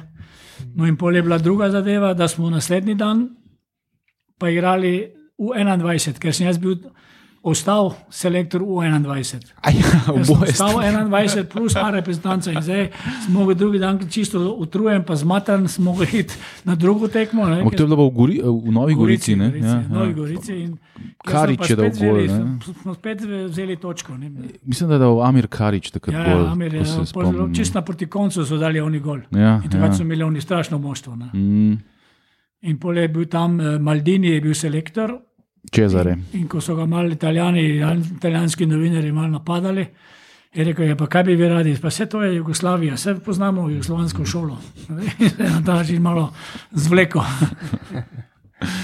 Pa ste pa še en ciklus s temi oči, reprezentance. Ja. Za, te kvalifikacije so bile za Euro 96, ja, ja. potem ste imeli pa še za svetovno prvenstvo 98 ja, ja. kvalifikacije. To je bil pa zdaj en drugi fenomen. Ne. Zdaj, v taktičnem smislu se je, zgodil, se je zgodilo to, kar sem jaz bil najbolj pripravljen in najbolj znal v tem prvem delu, v prvih kvalifikacijah, to je zaprta igra na svoji polovici, pressing in kontra. In zdaj za kontro pač rešuješ tako, kot znaš. Nismo kaj nekaj posebej mogli trenirati, ali pa manj trenirali, smo pa imeli poudarek na res na conskem pressingu. In to nam je preneslo nek osrednji rezultat, ker smo bili, nismo bili super zadovoljni, ampak tudi ne nezadovoljni, ker smo bili četrti, pa tu smo nekaj, nekaj tudi zmagali, pa z Italijani smo bolj tam eno, eh, torej ena nula zgubili. V Vidmu, ja. ko je da pa un, un tasil je dal gol. Ja, ja. Ravaneli. Ravaneli, ja, ja. No, in zdaj smo se pa s profesorjem Jezderom malo pogovarjali. Smo rekli, je on predvsem predlagal, ne, tudi, da bi bilo pa treba zdaj malo bolj napadati. Ne, ne več tako samo kontro, ampak žogo zadržati, imeti inicijativo, izvesti pritisk, to meni odpreti se, tvegati več. No, in jaz po pravici povem, ampak je pa tudi to res, ne, da ta način igre, del, vaditi z reprezentanco, ki ima, ki ima 3-4 treninge na, te, na, na mesec, ne, je izredno težko, ker tega ne moreš uigrati. Ne, ker to, je, to je v klubu lahko, pa še to rabiš čas. Sem pa jaz, kljub vsemu, se odločil, da bomo šli v ta, ta pristop, da bomo več napadali, da bomo več tvegali. Imeli smo zdaj tudi dokaj počasne igralce, dobro, čeprav Englaro je bil med njimi hiter. Milanič pa Čeh, pa te pa ne preveč. Ne. Imeli smo pa kar nekaj takih počasnejših igralcev in tako, ko si bil ti odprt, je bilo to nevarno. In je pa bilo res to, da smo lepše izgledali kot prej, da smo tudi nekaj igrali, da smo celo neke šanse, ampak nismo bili sposobni izigrati nasprotnika za pravo šanso, da zabiješ. In smo enostavno vse zgubljali. Ne, in potem smo eno točko dobili tam v In to je pa ta bila kultna tekma leta Kultna tekma, 97 na polju. ki je včeraj me na koncu tekme rekel, mi smo kao prijatelja. Ne. je rekel, pa nisem znal, da češ mi baš ti skiniti glavo. Ja, sej, eh, ko, ko se pa te tekme spomnite, gliha je dal vse tri gole. Ja. Gliha za- Ja, Gliha je dal vse tri gole. Ja, pred tekmo smo se pogovarjali, potem tudi z Zahovičem in rekel, veste kaj, ne vidim šanse nobene. Oni so perfektni, oni so popolni. In je bilo res, jaz sem, jaz sem kazal nek dele igre pred tekmo, ne, ali pa en dan pred tekmo, kako oni igrajo, da se pripravimo. Ne, mislim, neverjetno kvalitetna ekipa. Ne. Ampak pol smo pa nekako, seveda smo šli na kontro in uh, so oni prevzeli inicijativo. Mislim, da je bilo že razmeroma hitro, 3 proti 1. No, in potem smo pa mi z nekimi prekinitvami, a sta bile dve prekinitvi, kjer je v neki gužvi, gliha zabil. Ja, taki, taki zelo ja, gliha goli. Sam Ja. videl, kje je žoga točno, ampak je glavno je zabil, hvala Bogu. Ne. No, ampak ta hrvaška reprezentanca je bila potem tretja na svetu v 98. Ja, Ja, ja. ne? In To so bili ta Boban tekmo Asanovič, izgubili, oni se ne bi Prosinečki. kvalificirali. A ja, tekmo- To pa on rekel meni, da sem skinil glavo skoraj. Ampak kaj je bil pa največji, največji štos tu v tej tekmi, je bil pa, je bil pa Ermin Šiljak, ja. Ki je pa pred tekmo prišel k meni, je videl, da ne bo igral, mislim, da je na klopi. Je pa rekel, kako lahko gliha igra, on igra v drugi francoski ligi, jaz pa prvi. Kako lahko on začne, jaz pa ne. Rekel, ja, veš kaj, zdaj, on je bliže reprezentanci, več tekmi je odigral, jaz sem pogrunil, da bo zdaj tu kontra zelo pomembna in da gliha je tu hiter. In da bo enostavno, sem se odločil tako, lahko sem se pa zmotil. Ampak pri tem je ostalo. Ne? In pol, kaj se pa pol zgodilo, ko dam jaz njega noter, zadnjih ne vem koliko minut, ima hrvaška reprezentanca kot, izbita žoga k njemu, oni vsi navalili na naš gol, on sam proti golu. Šiljak. 3-3 je bilo, do konca pa je 2-3 minute. In za njega pa lovil, ga pa najbolj počasen igralec Hrvat, to je pa, to je pa prosinečki. Ne, če bi- Prosinečki te ne more dobiti. Ne. In zdaj, če si ti igralec, prej je joko, zakaj ne igra. Ne? Če si ti igralec, potem boš ga zabil ali pa se prišel boš na udarc. Ne? ne, on se je ustavil, ker se je ustrašil. Ne? In je enostavno dohitil ga je ta prosinečki, pol je prišel zraven že Zahovič, ne? ampak Zahovič je prišel tako pol šanso, da ni mogel zabiti. In enostavno smo tako šanso smo imeli, da je neverjetno šanso. Ne? Lahko bi Da, zmagali. ne. da brončani sploh ne bi niti imeli šanso, da bi bili Ne, brončani. ne bi sploh šli na prvenstvo. Ne? No, ampak vmes med vsem tem eh, leta 95 eh, ste bili pa še zelo kratek čas uh, trener Olimpije. Ne? Ja, To je bilo pa jesen 95. Ivan Zidar je bil predsednik, on vas je predvideval, da kontaktiral. ja. Kako je, Je. pa, kako je pa to izgledalo? Ja, to je bilo tako, da sem jaz najprej šel kot opazovalec na tekmo. A, roda, ker krade. Roda, ker krade, pa Vas je sabo vzel z, z ja, letalom. Pa, pa sem šel, celo gor sem šel z avtobusom, nazaj pa z letalom, z njim. No, in ker je Olimpija tam izgledala res slabo, 5:0, Izgubili ja. so 5-0 in še neverjetno dobro je Simunovič branil.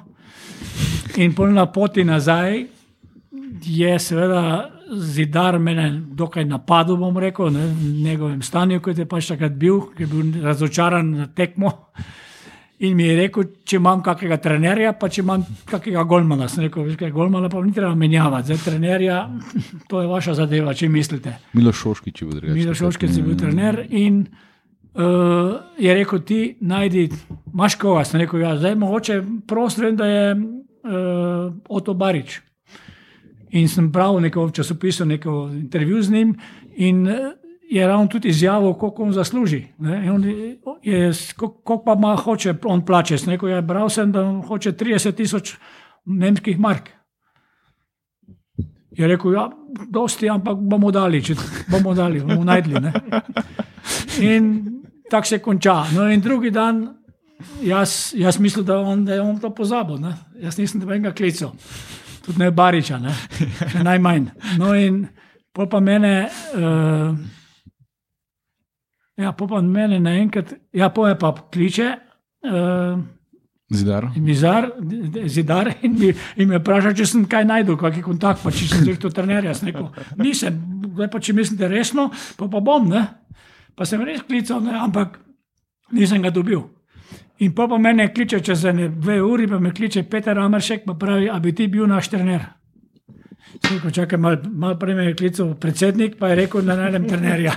Ti pa me hočeš mene. Aha, pa sta bila ona da usklajena? Ne. Ni, po mojem, nisem bila. ne. In jaz Se nisem. vedel, kdo je to en gazda, nima veze, s kom si usklajen. Pač vedel se, kdo je. Ali bo, ali bo tako, kje hoče imati, bomo pa v eno cesto zazidali. Pika. No, in uh, pol pa sem jaz, ko me je pa zidar poklical, sem pa rekel, dobro, bom prišel jaz na razgovor, ker jaz nisem razmišljal takrat, da bi. Potem sem pa začel razmišljati, sem rekel, tu v reprezentanci ne napredujem tako, kot je treba. Če si v klubu, napreduješ bolj, ker imaš staren trening, pa tekm več. tu imaš pa enkrat na mesec eh, eno tekmo, pa, pa štiri treninge. In sem razmišljal o tem, pa s neko grem na razgovor. Bom videl, se, se še ni treba odločiti. Ne? In pol se mi da pogovarjava, sem pa tja, on je se predstavil tam kot vrhunski gradbenik, kot, kot svetovna firma in ne vem kaj vse. Ne? In smo šla tam, pol je pa rekel, greva tam v en drugi prostor, sem, pa sem se začela pogovarjati o denarju. Ne? Kaj bi, pa, kaj bi pa vi hotel, pa sem pa tja, jaz sem pa si mislil sam pri sebi, dobro, jaz Oto Barič glih nisem, ne? da bom vzel 30, pol pa lahko. pa sem pa rekel polovico tega, kar je Oto Barič. Je rekel, ja, to pa tudi malo preveč, veš, to pa za slovenske razmere malo preveč. Pa sem pa rekel, dobro, pa pa da je razmerno na 13. Je rekel, dobro, vredo, bom jaz rekel uh, temu le Ameršku, da naj tu zrihta pogodbo in bomo se zmenili. Jaz, rekel, jaz še nisem nič povedal, niti profesor Ezner, niti na nogometni zvezi. In sem rekel, še lepo mi je sporočil, če bom ali ne, ker če me oni ne pustijo, ne bom šel. No, in pa sem to razložil, zakaj bi šel obema, Rudijo Zavrlo in pa profesor Ezner, torej Rudijo Zavrlo, predsednik zveze. In sta nekako oba dva dovolila, da lahko grem. In jaz to pol sporočim zidarju in pridem na razgovor k Petru Amršku, mu to povem, vse, kar smo se mi dogovorila. In reče, ja bom pripravil pogodbo. In reče, kar jutri, že pridi, sem zmenila. Pol pa prijem jaz drugi dan k pogodbi, jaz sem začel trenirati, so že objavili, da pač Da si- bom ja. prevzel ja. Olimpijo. In pridem do Petra, pa rečem, Peter, zdaj daš mi pogodbo. Ja, "E, kako so se vi zmenili, jaz neko je 13 tisoč. Ne, ne, on pravi 10. Neko, čak malo. 13, ne 10. Sem rekel, ne, pa pet, če ti vpraša, ne, rekel, pet ti do njega.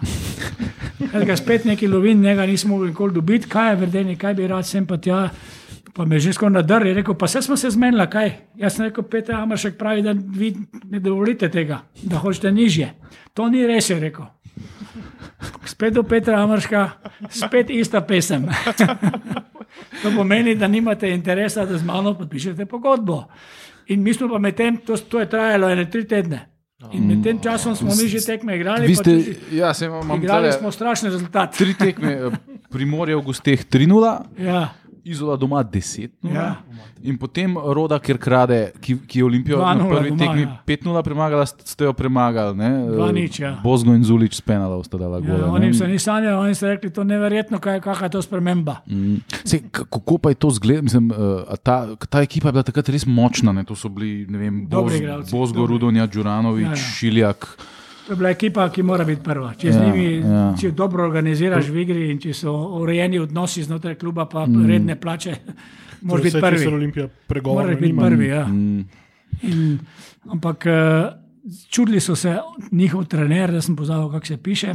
Se zelo znan trener bil holandski, ni mogel verjeti, Ja, ja, a kakšna je je bil- to sprememba. Je bil ta, um, Ki je včasih šalke treniral. ta, ja, ta, kako, joj, zdaj se pa ne morem spomniti. Ja, se, Uh, Hub, Hub, Stevens, ta? Stevens, uh, je bil ta. Stevens, Ja, ja. Hub Stevens. Ja, Hub ja. Stevens ja. Uh, mi smo igrali zaprto in na kontro, in oni so prišli, oni so podcenjevali malo, smisli so se to. To mimo grede, ne, in so pa naleteli na organizirano branjenje in hitro kontro, in je takrat je Bozgo dobro igral. Je dal mm. dal oba gola, se mi zdi celo. Enega je Zulič meni. A ja, pa pa dal Bozgo enega spenala. Ja. Mm. No, in po, potem pa uh, ste dojel, da pač Ja, ta pol je pogodba. Pol se je pa zgodilo to, da sem jaz videl, da, da v tem nadmudrivanju, kdo bo koga, ne, nimam bene šanse.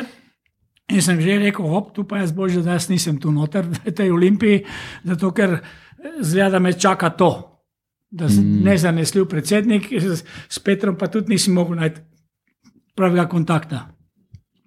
A jaz tam pustim reprezentanco in grem do profesora Eznera, da Rudija zavrla, če lahko prijem nazaj. So rekli, lahko priješ. A, to ni bilo tako, da bi, bi bil, bil na obeh funkcijah. Ne, ne, to ni bilo možno. Aha, Ker, ker tudi aha, vprašnikar ni mogel biti. Aha, se Prav, pravi. ali si selektor ali si pa samo. Aha, ni bilo, ja, ja, ja, ja. Aha, in pa se še više prav cajt rekel. Ja, pol se bom je šel jaz pojavila pa tu nazaj. še druga zgodba, ker pa jaz nisem mogel se nekako njih rešiti, sem pa rekel, veste kaj. Zdaj pa videl, no, ker, ker pri tem zidar hoče biti zmerno glavni. On mora imeti zadnjo besedo, on mora hore biti. glavno besedo, no in jaz sem pa pol pogrunil, sem rekel, hop, jaz sem jim bo najboljše rešil na tak način, da bom zahteval denar naprej in verjetno bi ne bojo dali. Velika šansa. Ne? Mm, In jaz sem res zahteval dokaj velik denar, zdaj božja v tem ne govorim, ker me, me bojo. Zidar vas ne more terjati, tako da vse to. Ja, ampak eh, v glavnem sem postavil rok, postavil sem rok tam eh, v petek, v roku enega tedna, do petka mora biti po treningu denar, če ne, jaz soboto še sicer pridem, da boste imeli trening, nedelja je pa tekma. In jaz pridem v petek, pisarni ni bilo, ni bilo denarja, zunaj sem videl, čakajo novinari, pa gledajo, kaj se bo zgodilo. Jaz sem rekel, dobro, Peter, jaz ne bom več, jaz bom jutri še zadnjič prišel, potem pa, potem pa je konc. No, in jaz jutri pridem na trening, ko me čaka vrečka v klubu, v pisarni. In to, ko jaz povem svojim prijateljem, ne, kakšen denar jaz nisem vzel. Ne, s- Aha, pa ste vi to dejansko dev- zavrnil. Jaz sem zavrnil denar. in Dejansko je Zidar- Niste dali takrat, jaz sem imeti razlog, da lahko neham. Ja, ja, ja, ja. Mislim, ve- Zidar ja, je pa ja. namenoma hotel, da pokaže, da je on glavni, da ni Da je dal majčkeno kasneje. Ja, ja, Ko ja. boš ti zahteval. ne, in Enostavno, ampak drugi dan je pa pisalo v Olimpiji, da, oziroma v delu, da sem jaz, uh, i, uh, torej, uh, kako se to imenuje, da izigravaš klub. Uh, Ja, ja, ja da, da ste vi pač. Um, da sem jaz bil tisti, da klub ni nasedel na moje, da moje izkoriščanje. ja, ja, ja. No, izko- neizkoriščene. ja, ja, um, Šikaniranje. Ja, da sem jaz tu. Da na to igri, ne bojo igrice. Izigravali, ja, da to ne bojo, ne bojo pristali in da enostavno so, smo, se, smo se za to rašli. Ja, se Jaz pol, sem se rašel zato, ker nisem videl možnosti sodelovanja z Darjem, pa tudi Peter mi je bil malo nezanesljiv. ja, ja, saj to, to, to, to, to ste imeli kar jaz dobro jaz intuicijo. pol Na Japonskem ta denar po- po- noč spravil, ni to problem. Ja. No, se po, ja, pol potem. Uh, Pol je pa prevzel Brane Oblak, mm, pa je začel zgubljati, ja, kot se jaz. to pa, to pa ja. ne vem, vem pa, da eh, ja, Brane Oblak, Pa je on Dalmatinc prišel, no, da nadoveza se mi zdi, mačkam kasneje. možno je. Ja. Mm, Ker Brane Oblak je bil, bil že v klubu, ker je bil kao moj, kao moj pomočnik. mm -hmm. Zato, ker je on prejemal že denar. On je bil že prej prvi trener in ga je zamenjal Šoškič. In kot prvi trener, seveda, on Šoškiču ni hotel pomagati, ampak plačo je pa dobival. Ne? In s tem, ko je dobival plačo, pa sem pol pa prišel jaz, pa smo se nekako dogovorili, da on sodeluje zraven. In je sodeloval zraven. Ne? In pol je pa, ko sem jaz šel, pa je on prevzel. Ja, ja, in tisti ni pol dolg, prav dolg trajal, se mi zdi. To sem že malo pozabil. Ja, ne, pa je nadoveza. Se to bi tudi rad videl, te igre, oblak pa zidar. To je, či, to je tudi Ja, moglo on biti je- nekaj Oblak je pa, boljšega. ne. mislim, zidar je oblaka zelo cenil in zelo poslušal. Tudi. Mm. Ja, ker je bil, mislim, le, legenda, ne? velik nogometaš. In pol, ko smo enkrat, ko smo tisto tekmo dobili proti Rodi, je zidar mi je brane prav, je zidar prišel k njemu in vprašal, ti brane, kaj je za ta zmaga, kaj je to? Jane, je rekel, Janez, eh, Ivan, je pa to je isto kot Ajax. Ta, ta roda premaga Ajax, to, mi smo Ajax premagali. Sem je pa te odnosi v klubu ne, že nakazovali, da je to v bistvu začetek konca bil. Ne. To se je potem vleklo do neslavnega propada pol kluba. Ja, tu, ta klub, žal, potem, ko je prišlo do. Mislim, bolj smo postali država Slovenija, manj je Olimpija komu pripadala. Olimpija je bila prej slovenski klub v času Jugoslavije ne, in žal moram tudi to reči, ne, ker mnogemu, mnogim ne bo pogodo, da so bili komunisti bolj sposobni organizirati klub, pa najti pravo ekipo, pa biti zgled mnogim športnim kolektivom v Sloveniji. Ne, eh, kot pa današnji kapitalizem, ki, ki sploh ne ve, kaj bi si s to olimpijo, kaj bi si s to olimpijo zač, začel. Mi zdi, da zdaj, zdaj smo v eni taki resni krizi vodenja. Ja, Nimamo vodstvenih kadrov, oziroma vsi, ki so absolutno neprimerni za take pozicije, rinejo na nje. ne. Tisti, ki pa bi lahko kaj naredili, se pa raj ja. za voljo lastnega miru poskrijejo, pa dajo mir. ja, včasih ni bil v spredju osebni interes, ne. danes so ljudje pač iščejo svoj interes in rinejo v spredje na račun tega, da tisti ta pravi, ki imajo pa znanje, pa tudi imajo skupni interes, da bi nekaj nastalo, ne morejo zraven priti. Včasih je pa tega ni bilo toliko. Včasih je ja- jasno bilo, kdo je na oblasti in da oblast me ne zanima, me zanima me delo, znanje in razvoj. Brez da se oblast ja, umešava. Da se noter vtika. In, in je nekako bilo vse po neki logiki, pa vse bilo normalno. Danes pa vidite, da, da se lahko take spremembe dogodijo, da, da ne moreš razumeti, da je to res. Ja. In tudi v družbi, in, in tudi v, v športu, in nogometu. ne. To je bil prvi del pogovora z, z Denkom Verdenikom, drugi del pogovora sledi čez en teden. V drugem delu pogovora se bomo osredotočili predvsem na njegovo delovanje v tujini, v Avstriji in pa na Japonskem, a, kjer je za svojim trenerskim delom pustil velik pečat.